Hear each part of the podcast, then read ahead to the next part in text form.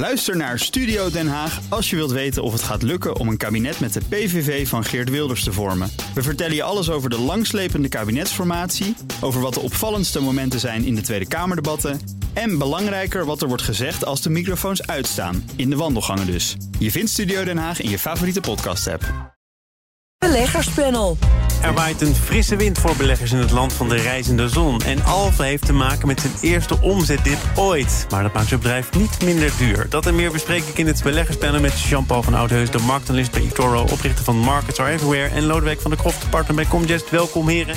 Geachte leden, we beginnen natuurlijk met de vraag over jullie laatste transactie. Lodewijk, welke is dat? Nou, we hebben de afgelopen periode een klein beetje winst genomen... in posities zoals Louis Vuitton en Novo, uh, Novo Nordisk... Uh, dit zijn twee namen die ik zeg maar de Europese FANGs zou willen noemen. Belangrijke aanjagers van de Europese beurs uh, year to date geweest. En uh, ja, we vinden nog steeds hele interessante bedrijven. Alleen de omvang was als gevolg van 20, 25, 30 procent koersstijging sinds het begin van het jaar te groot geworden. Dus dan haal je wat. ervan af. En, die koersstijging die hebben we op BNR ook wel gevolgd. Maar wat was ook weer de belangrijkste verklaring dat juist deze bedrijven er zo uitspringen? Nou, Louis Vuitton wist uh, fantastische groeicijfers, met name China, te realiseren. En Novo Nordisk, nou, daar kan je tegenwoordig zelfs over lezen in het Financieel Dagblad dat je afslank-injecties uh, ja. kan krijgen waar de rich en de famous graag uh, mee reclame maken. En dat zorgt ervoor dat een product wat ooit gestart is om suiker, diabetespatiënten te helpen, nu omarmd is door ja, eigenlijk iedereen die wil afvallen zonder moeite. Jean-Paul, welke transactie wil jij eruit lichten? Nou, dat zijn nog steeds dezelfde als de vorige keer. Zo lang is het niet geleden dat ik hier was. Dus ING en ASR. Uh, in die bankencrisis was er heel veel paniek. Uh, nou, dacht van, god, dat lijkt me toch wel een beetje meevallen. En voorlopig ben ik daar nog hartstikke content mee. Als je zo bijvoorbeeld uh, de cijfers van ING recent weer hebt gezien. Ja, je, je bent er ook, uh, ja, de actualiteit heeft er ook geen aanleiding voor gegeven... maar voelde het destijds wel als een gok? Nee, zeker niet. Omdat, ja, uh, niet dat je daar nou op moet varen... maar ik heb zelf die financiële crisis van 2008 van binnen meegemaakt. En zo voelde het nu gewoon helemaal niet aan. Ja, die aandelen werden toch wel flink omlaag gezet... terwijl ze er gewoon goed voor staan. En met die oplopende rente zie je die uh, rentemarge oplopen. Ja, dat is over het algemeen goed uh, voor de banken in dit geval. We gaan er iets wat uh, gezakt is, namelijk Alphen. Daar gaan we wat uitvoeriger over praten. Want het is bijna historisch te noemen. Voor de eerste keer zag het goede bedrijf Alphen een omzetdip in het eerste kwartaal.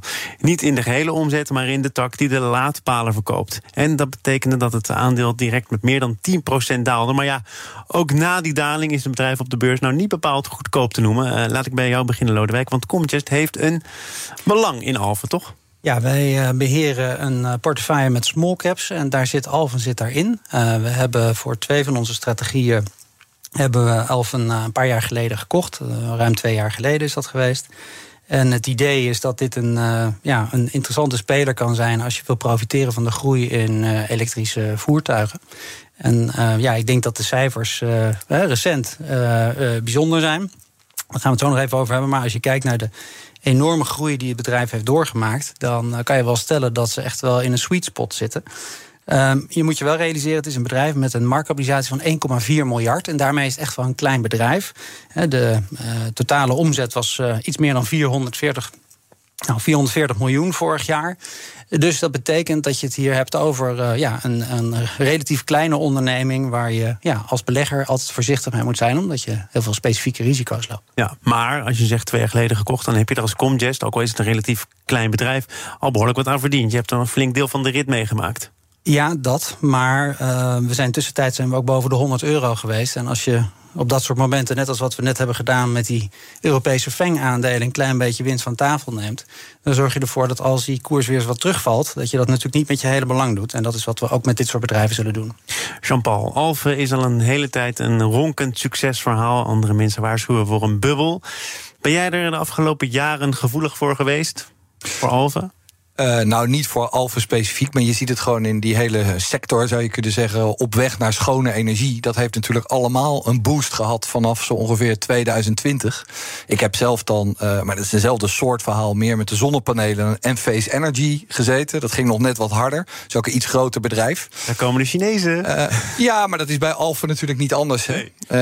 oh, ben je, daar ben je bang voor dat uiteindelijk een Chinese concurrent Alphen gaat wegdrukken? Nee, nee, nee, maar dat ze de producten goedkoop daar vandaan halen. Ja, en uh, dit soort bedrijven zit eigenlijk een beetje, hè, wat ze wel eens een keer uh, beursgezegde, van in ten van een gold rush moet je zorgen dat je scheppen verkoopt, niet zelf op zoek gaat naar het goud. Ja, dat hebben zij natuurlijk ook gedaan. Er waren heel veel subsidies, heel veel uh, gemeentes, overheden die willen dat het van de grond komt. Ja, daar hebben ze goede marges op kunnen maken en dat staat nu onder druk. Ja, en die marges die blijven onder druk staan als het zometeen echt breed geaccepteerd wordt als er in bulk wordt verkocht? Ja, dat is wel mijn verwachting. Want uh, die subsidies die nemen wat af. Nou, er is natuurlijk ook wat spanning over de overheidsbegrotingen. Waar er nog überhaupt genoeg geld is om dat te stimuleren. Kijk, die trend die staat buiten kijf. Maar er is ook een Europese ja. verplichting, meen ik, om Precies. Uh, de verbrandingsmotor er in 2000 ja. 35 helemaal uit. Dus dat is het hele uh, grote pluspunt. Maar wat je al zegt, als er dan meer in bulk wordt gekocht. Ja, uh, ik denk dan elke keer ook. Ik las een interview, uh, of het was van de Capital Markets Day. daar lees je er ook door. zie je ook Shell Recharge staan. Nou ja, die zullen niet die 30% marge betalen voor die laadpalen. Dat zal wel wat lager liggen. Dus het beste is al achter de rug voor Alphen. Nou ja, alles heeft te maken. Ik even met schuin oog naar Lodewijk. Nou, de, de hoogte van de marge zal ongetwijfeld uh, dalen de komende periode. Alleen als uh, ja, P maal Q. Hè, als, uh, als de hoeveelheid hard blijft stijgen. En, daar zijn alle redenen voor om dat aan te nemen. Zou dat niet zo heel veel invloed hoeven te hebben op de aantrekkelijkheid van het bedrijf? Je moet je ook goed realiseren dat het afgelopen kwartaal dat er aanzienlijk meer omzet werd gerealiseerd in de energy storage afdeling. Waar de marges zeggen, want ze hebben, liggen. ze hebben meerdere divisies zelf, mm, meerdere ja. zaken waar ze zich op richten. Laadpalen, transformatorhuisjes, opslag, batterijen betekent dat dus eigenlijk? Ja, daar, zitten, daar zijn de marges 18% op. En op EV charging, hè, waar uh, Paul het ook over heeft, zit, is 41%. Dus op het moment dat je natuurlijk in die lagere margebusiness meer omzet boekt dan verwacht, ja, dan gaat dat ten koste van je marge. Is dat een uh, signaal dat dat vanaf uh, dit kwartaal de hele tijd moet gaan gebeuren? Dat denken wij van niet. Nou, er wordt ook wel gezegd, ja, er moeten voorraden worden weggewerkt. Eh, het vorige kwartaal, of waarmee wordt vergeleken, een jaar, jaar eerder, was ook wel buitensporig uh, goed. Maar komt het er dan toch simpelweg niet op neer dat er meer, meer palen, meer stekkers dan auto's zijn verkocht? En is dat op de langere termijn ook niet een probleem? Nou, ik denk niet dat er meer palen dan uh, auto's zijn verkocht. Maar um, ja, je moet ook goed kijken naar de, de prijs die je betaalt op dit moment voor het bedrijf. Kijk, je gaf aan dat het hartstikke duur is geweest, of is. Maar als ik kijk naar de koers-winstverhouding, ja, dan komen we inderdaad van boven de 100. Maar sta je op dit moment op 22 keer de winst. En dan denk ik dat er uh, dus behoorlijk wat al in de prijs zit van de afkoeling die we in deze markt zien. Wat denk jij als je dit zo hoort? Ja, nou, ik kwam ook nog een uh, onderzoeksrapport tegen van uh, McKinsey. En die zeiden van, weet je, in Europa voor de lange termijn... er worden op dit moment iets van 2000 laadpalen per week geplaatst. En dat moet, om de doelstellingen te halen, naar 14.000 per week. Nou, wat dat betreft zit je dan in een goede business. Ja, en het is, het is allemaal uh, inderdaad de waardering. Dus het, het, het is nu nog wat aan de hoge kant. Maar we zullen het moeten zien. Kijk, met die groeiaandelen die zo hoog gewaardeerd zijn... dat zag je dus nu in het eerste kwartaal ook. Als het dan maar een klein beetje tegenvalt, dan krijg je het uh, op de beurs uh, om je oren. Ja, en je wilt toch wel weer wat van die groei terugzien om de huidige prijs uh, te bij, kunnen verantwoorden. Bij welke koers-winstverhouding wordt het voor jou interessant? Ja, dat is een, uh, dat is een goede vraag. Um, maar um, uh, over het algemeen, die bedrijven die uh, toeleverancier zijn in de energiesector, daar zitten niet hele hoge marges op. Dus dan kan het echt nog wel een eindje naar beneden. Maar het is wel een trend en een thema wat de komende tijd hot is. Dus het is voor mij belangrijker dan bij zo'n bedrijf om naar de waardering te kijken. Om te kijken van hoeveel politieke animo en stimulering is er nu om dit echt snel van de grond te krijgen. Dus, hè, het is je vergeven, maar geen concreet antwoord op de vraag bij welke koers-winstverhouding het voor jou interessant wordt. Nee, die heb ik niet. Nou, om je een beetje te helpen, in dit geval is er een uh, investmentbank die uh, een koersdoel uh, had van 102 en het heeft verlaagd naar 84. Als je bedenkt dat je nu 64 staat, dan is in principe is er wel wat muziek nog te vinden in deze. Uh, in dit bedrijf. En ik denk dat één kwartaal voor een. Ik beschouw het zelf als een soort groeistuip van een puber. Uh, je kan niet verwachten dat je als je een fantastisch eerste kwartaal in 2022 hebt gehad, dat je daar nog eens een keertje overheen gaat in 2023. Dus ik denk dat het bedrijf de komende kwartalen moet laten zien dat ze die mix goed op orde hebben en dat ze die marges waar Jan Paul ook aan ver, verwijst, dat ze die uh, op niveau kunnen houden. Maar, groei wordt toch duurder? Hè? Je hebt ook, denk ik, als belegger de plicht om te kijken wat zijn de risico's, hoe kan ik het stuk schieten? Is de toekomst wel zo goudgerand als ik het voor ogen heb? Uh, die hogere rente bijvoorbeeld, gaat dat zo'n groeibedrijf als Alphen nog parten spelen? Ik denk dat uh, die hogere rente al parten heeft gespeeld. De koers van het aandeel is 25% lager dan aan het begin van het jaar. En ik denk dat als de rente negatief was geweest, dan had uh, op deze kwartaalcijfers de koers niet zo gereageerd als dat het heeft gedaan. Reactie? Ja, daar kan ik mee vinden. Nou, als dat zo is, als er overeenstemming is, dan gaan wij naar Japan. BNR Nieuwsradio. Zaken doen. Thomas van Zeil. Jean-Paul van Oudheusden en Lodewijk van der Kroft zijn de leden van het beleggerspanel. Het land van de reizende zon staat niet bepaald bekend als het land van de reizende beleggingen. Na een bubbel in de jaren 80 stond in het land 30 eh, jaar stil wat betreft de beurs. Maar inmiddels waait er een frisse wind en wordt de piek van eind jaren 80 al bijna weer aangetikt. Maar even de credits voor onze redacteur Jochem Visser. Die heeft nog eens gekeken naar ja, over welke piek hebben we het nu precies. Uh, over een piek in eh, yens of in dollars of in euro's. Uh, hebben jullie ook een beetje onderzoek verricht? Uh, Lodewijk? Ja, ik denk dat hij heeft gevonden dat het natuurlijk in yen uh, is. En dat die piek op 38.915 lag op 29 december 1989. Het, het staat hier op mijn briefje. Helemaal correct. Ja. En uh, ja, dat je dus uh, op het huidige niveau van een piek spreekt, ja, dat is niet de officiële piek. Maar je moet er ook wel bij zeggen dat dividenden hier niet herbelegd zijn. Dus het is echt een, een prijsindex. Dus wat dat betreft niet helemaal eerlijk om uh, daar alleen naar te kijken. Nee, maar, maar goed, alle voorbehouden daar gelaten. Is het nou reden om aan te nemen dat, dat er iets goed gaat in Japan? Of is het een beetje gesmokkel om er een mooi feestje omheen te bouwen? Het is altijd goed om een feestje uh, af en toe te organiseren. En uh, in dit geval uh, ja, spelen een aantal zaken mee. als je kijkt naar de beurs year to date, dan zie je dat de Japanse beurs het beter heeft gedaan in lokale valuta dan alle andere regio's. Maar let op, in lokale valuta, want de Japanse yen Hm. Die is uh, ten opzichte van de euro in waarde gedaald. En als je het dan met elkaar vergelijkt, dan steekt Europa op dit moment met kop en schouders uit boven Japan en Amerika qua performance. Jean-Paul, zijn dat de terechte kanttekeningen die hier geplaatst worden? Ja, ik moet nog wel even lachen. Een feestje, dat doet me opeens terugdenken. We hebben ooit gekeken naar de beurs van Nigeria. En daar had je een uh, directeur zitten en die gaf elke duizend punten dat die index tegen weer een feestje. Dat oh, was ja. op een gegeven moment, elke week was het feest in de dingen. Dus hier in Japan gaat het erom dat het een keer het niveau van 30.000 heeft heeft uh, doorbroken. Ja, bij Japan, het eerste waar ik altijd meteen aan moet denken... het lijkt mij voorbarig om nu heel enthousiast te worden... is die staatsschuld. He, daar maken we ons bij Amerika wel druk over. In Japan ligt die boven de 200% van het GDP. Ik geloof dat alleen Venezuela er slechter voor staat. Ja, wordt gestaag aan doorgewerkt. En ook. dat is niet allemaal in één keer weggewerkt. Ja, maar, die... maar, het momentum nu op hele korte termijn uh, ja, is goed. Nou, daar verschillen we dan van mening. Want die staatsschuld in Japan, dat is Japans geld... wat uitgeleend is aan de Japanse overheid. Dat is een vestzak-broekzak verhaal. En ja, de schuld van de een is het bezit van de ander. En het is geen Griekenland. Ze zijn niet afhankelijk van externe financiers. Dus uh, ja, daar wordt al heel lang over gesproken dat die Japanse staatsschuld een probleem is. Maar de realiteit is, het is nog nooit een probleem gebleken. We gaan het zien. Het maakt mij in ieder geval terughoudend. Ik denk waar ze nu mee te maken hebben, is dat er toch een hoop mensen zijn in Azië die eigenlijk eh, China willen ontwijken. En die gaan dan eens kijken waar zouden we nog meer spullen kunnen kopen. Dat helpt. Ja, en de yen is uh, redelijk onderuit gegaan ten opzichte van de, de dollar en de euro. Dus het is wat goedkoper. Het lijkt mij een korte termijn effect. Ik ben nog niet meteen laaiend enthousiast. Maar, maar, maar, maar, gewoon even heel simpel. Hè. Je zegt het is ook een manier om toch zaken te doen met China. Of in ieder geval China te ontwijken. Of via Japan dan weer ergens China binnen te komen. Maar doen Japanse bedrijven het ook substantieel beter? Uh, nou ja, Japanse bedrijven die zitten ook gek nog. Ik geloof dat, dat een, een heleboel van die bedrijven in die index. die hebben voor meer dan 50% cash. Het, zit, weet je, het is een hele. Ze zijn daar al jaren bezig met hervormingen. Dat was al in 2015 zo, in 2018. Toen ging het weer niet door. Nu lijkt er wat te komen, maar er moet echt nog wel heel veel eh, water door de Maas. voordat je daar structureel wat van gaat zien.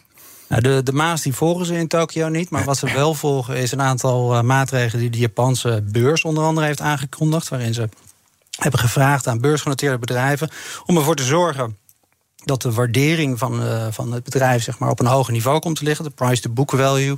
Uh, die zou meer dan één moeten zijn. En alle bedrijven die daar niet aan voldoen, die worden op een soort strafbankje gezet. feit is inderdaad dat hervormingen, daar wordt al lang over gesproken in Japan. En dat duurt gewoon lang in dit land. Maar kun je, daar inderdaad wel iets over zeggen? Want dat is een opvallend gegeven in Japan dat uh, bedrijven uh, op de beurs minder waard zijn dan de boekwaarde. Hoe zit dat precies in elkaar?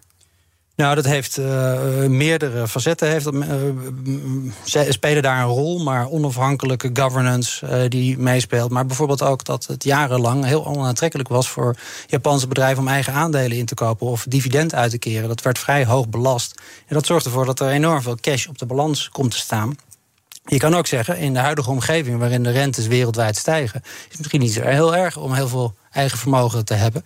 Uh, maar het is wel zaak dat dat uh, op een goede manier wordt aangewend. En onder Shinzo Abe, een van de vorige premiers, die vermoord is in 2022. Zijn er ja, drie hervormingen doorgevoerd: monetair, fiscaal en op dat governance gebied. Uh, ja, de hoop natuurlijk van Japanse beleggers is met name dat op dat governance gebied dat ze door blijven zetten. En, ja, dat zou... Maar die, die enorme hoeveelheid cash is voor jou niet zo'n probleem? Nou, het is, uh, het is een probleem als je dat niet rendabel kan uitzetten. Want daarmee creëer je natuurlijk een soort sleepanker voor jezelf. En dat is niet handig. Dus we zouden het op prijs stellen als bedrijven natuurlijk dat geld op een goede manier gaan aanwenden. Dan wel teruggeven aan beleggers.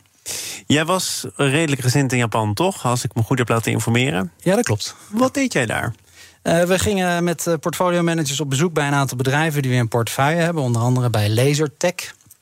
Lasertech is een uh, Japans bedrijf wat uh, ja, eigenlijk de mallen controleert die ASML maakt in haar apparatuur. Ja, het is eigenlijk net als met wat je vroeger bij handvaardigheid leerde. Zo'n linoleum, daar sneed je in uit. En vervolgens ging je met inkt ging je eroverheen en ging je afdrukjes ging je maken. En dat is eigenlijk simpelweg gezegd hoe je zeg maar, chips tegenwoordig maakt. En uh, wat er gebeurt is dat er slijtage optreedt. En die slijtage, die normering is zo enorm streng dat ook maar de minste afwijking leidt ertoe dat je natuurlijk dat die mal moet afkeuren en een nieuwe mal moet plaatsen. Nou, dat is wat Lasertech controleert in de apparatuur van ASML. En zijn dat dan ook bedrijven met uh, over het algemeen flinke exposure in China? Of uh, kijk je naar iets anders? Nou ja, dat is een van de redenen waarom we Japanse bedrijven aantrekkelijk vinden. Bedrijven als Keyence, Fanuc, Daifuku, allemaal on onmogelijke namen. Nou, je doet uh, je best. Maar uh, het zijn allemaal bedrijven die in de productieketen van Chinese fabrieken actief zijn. En je kan je voorstellen dat als gevolg van de salarisstijgingen ook in China automatisering een, uh, ja, een hot topic is op dit moment in China. Dus daar zouden deze bedrijven van kunnen profiteren. Zij zijn beursgenoteerd. Hun concurrenten zijn vaak Duitse Mittelstandbedrijven. En die zijn niet beursgenoteerd. Dus ja, dit is de manier om dat te spelen. Wanneer was jouw laatste bezoek in Japan? Ja, dat gaat lang terug. In 2005 was ik daar. Overigens ook met de reden om eens te kijken van hoe staat het daarvoor. Maar uh, sindsdien heb ik er nooit meer belegd. Ja. Oh, je was genezen na je trip? Nou, ik, ik, ik vond het moeilijk. Weet je, het is zo'n markt. Uh, ik, ik hoop ook vurig dat ze het gewoon uh, helemaal het elan weer terugkrijgen. wat we in het verleden wel eens hebben gezien. Maar het is zo moeilijk als je gespreid belegt. en je verliest dan geld op Japan. dat je denkt, ja, waarom had ik daar ook alweer geld in zitten? Ja. Maar Lodewijk somt hier nu een hele trits aan hervormingen op. die toch beterschap behelzen. Dat is voor jou onvoldoende reden om nou, een kans te maken? Kijk, wat leuk is, ik, ik ben daar zelf nu wel weer... het is weer in de actualiteit uh, bij Warren Buffett. Die ja. uh, vertelde ook op zijn aandeelhoudersvergadering weer... dat hij zijn uh, posities in die vijf Japanse handelshuizen wil gaan uitbreiden. Uh, dit verhaal, wat Lodewijk houdt... dat zijn toch allemaal weer redenen om er toch nog weer eens een keer goed naar te gaan in kijken. Dat is altijd leuk. Lodewijk van de Kroft, Warren Buffett. Nou, dan weet je wel welke kant het op gaat. Precies. Laten we het programma afsluiten, ja. het hoogtepunt. Nou nee hoor, Buma Stemra, voor je het weet... hebben we het er nog helemaal nooit over in het beleggerspanel. En dit is de uitgelezen kans om dat te doorbreken. Want de leden van Buma Stemra zijn niet blij met de beleggingsresultaten van de organisatie. De rechtenorganisatie int geld bij muziekgebruikers en keert dat uit aan muzikanten. Maar Buma Stemra heeft ook een beleggingsportefeuille waar vorig jaar 27 miljoen euro verlies op is geleden. Daarover schrijft het FD. Ja, even voor de mensen die denken: Buma Stemra, dat heeft iets te maken met uh, waar muziek gedraaid wordt en er moet dan iets voor betaald worden. Waarom beleggen ze dan überhaupt? Nou ja, omdat ze uh, geld binnenkrijgen. En dan moeten ze nog even bepalen welke uh, muzikanten er recht hebben om dat te ontvangen. Dus dat vond ik een beetje moeilijk om te kijken wat nou precies hun beleggingshorizon is. Ze zeggen over het algemeen zit er een jaar tussen, maar ze zullen ook wel iets van een ijzeren voorraad hebben. Maar dat is de reden, omdat ze geld overhouden. Daar kan je eindeloos over discussiëren of je dan wel of niet nou, moet beleggen. Zij, ook, ja. zij hebben de keuze. gediscussieerd worden, ja. ja. Mensen die zeggen dat moet je niet doen. Nee, ja, die, de, die mevrouw, de CFO, die zei van ja, maar we, doen dit, we hebben dit al heel lang geleden besloten. Gemiddeld genomen over een x aantal jaar hebben ze 3,8 miljoen euro daaraan verdiend. Nu is het, dat is inclusief het slechte jaar van nu. Um, dat is een beetje de discussie die daar speelt. Maar kun je met het verlies dat uh, nu in de boeken terechtkomt... nog steeds spreken van, zoals ze dat zelf zeggen, defensief beleggen? Ja, ze belegden juist heel defensief. En dat is de reden waarom ze zoveel geld hebben verloren. Uh, ja, uh, mooier kan het niet maken. Ja, ze zaten belegd in obligaties. Ze zaten voor 70% belegd in obligaties. En als ik het terugreken, dan hebben ze een rendement van zo'n uh, min 15% hebben ze gemaakt. En als ik dan kijk naar de Barclays Global Bond Index... Voor, of Nederlandse index... Uh, dan is die met 20% gedaald. Ja, dus als je denkt dat je defensief belegd bent in obligaties, ja, dan uh, heb je deze klap natuurlijk vol meegekregen. Ja, als je denkt dat je defensief belegt in obligaties, dat is een misvatting. Ja. Kijk, uh, er is ook jarenlang hebben beleggers in obligaties hebben heel veel koerswinst gerealiseerd. Dus je hebt eigenlijk, ja, krijg je nu de deksel op de neus van 10, 20, 30 jaar lang beleggen in obligaties waar je een bovengemiddeld rendement op hebt gerealiseerd. Dus ik vond het eerlijk gezegd een beetje verdrietig dat de leden van Buma Stemra even vergeten dat ze sinds de jaren 90 al beleggen. En dat dit er dus ook bij hoort. Ik dacht zelf aan de Wall Street Shuffle van 10cc. Hè? Uh, let your money hustle. Maar je moet wel cool blijven als het een keertje tegenvalt. Ja, uh, obligaties als uh, defensief beleggen bestempelen, daar moeten we mee oppassen? Ja, nou ja, kijk, het, het, het pijnlijke bij Buma Stemra zit eigenlijk in één zinnetje in het jaarverslag dat ze zijn in 2019 zijn ze overgestapt naar een andere vermogensbeheerder. Toen hebben ze een hele goede studie gedaan, een strategisch plan gemaakt. En in het jaarverslag staat eind 2022 was hetzelfde strategie nog steeds op zijn plaats. Ja, weet je, dan kan je zeggen beleggings voor de lange termijn, defensief. Maar we zitten in een wereld waar de rente inmiddels weet ik het hoeveel verhoogd is. Dan had je er toch nog wel tussendoor een keertje naar mogen kijken. Ja. Ja, en dat is denk ik ook wat die leden zeggen: van ja, hallo, weet je, je hoeft niet elke dag uh, actief te beleggen. Maar een keer tussendoor even de pijlstok erin. Dat was denk ik hier geen gek idee geweest. Goed advies, Lodewijk? Nou, ja, ik ben van mening en ik heb met dit soort dingen ook te maken in allerlei stichtingsbesturen waar ik in zit. Uh, heel veel van dit soort organisaties proberen zeg maar geen geld te verliezen. En in een poging om dat uh, te realiseren, zaten ze relatief zwaar in vastrentende waarde. En daar, ja, die koersdaling uh, die je daar hebt gerealiseerd, ja, ik denk niet dat dat in de modellen zat waar ze mee vanuit gingen toen destijds in die berekening. En ik vind het een beetje te makkelijk om te zeggen dat je dus een verkeerd beleid hebt gevoerd. Uh, als je al jarenlang zeg maar risicodragend uh, je ijzeren voorraad uitzet. Maar er kan toch in die jaren iets veranderen waardoor je misschien zo af en toe een andere kant op kunt gaan. Je, je, moet je ook realiseren dat ze hebben een ijzeren voorraad van 176 miljoen hadden ze uh, eind 2021. Dus ja, 27 miljoen verliezen, dat klinkt als heel veel, maar het is maar 15 procent. Ze hebben het op basis van mijn calculatie hebben ze beter gedaan dan uh, als je 100 procent in obligaties belegd was geweest.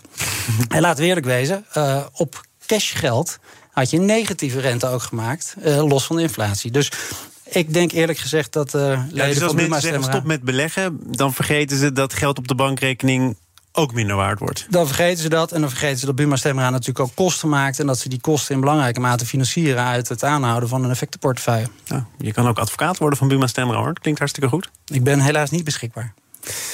Jean-Paul van Oudheusden, marktanalist bij eToro, oprichter van Markets Are Everywhere. Dank voor je komst. En dat zeg ik ook tegen de man die in één zin werd genoemd, in één adem werd genoemd met Warren Buffett, Lodewijk van der Kroft van Comgest.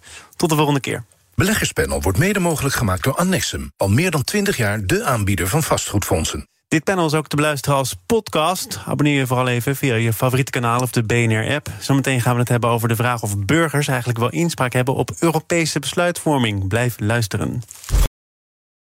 Ook Bas van Werven vind je in de BNR-app. Ja, je kunt live naar mij en Iwan luisteren tijdens de ochtendspits. Je krijgt een melding van Breaking News. En niet alleen onze podcast Ochtendnieuws, maar alle BNR-podcasts vind je in de app. Download nu de gratis BNR-app en blijf scherp.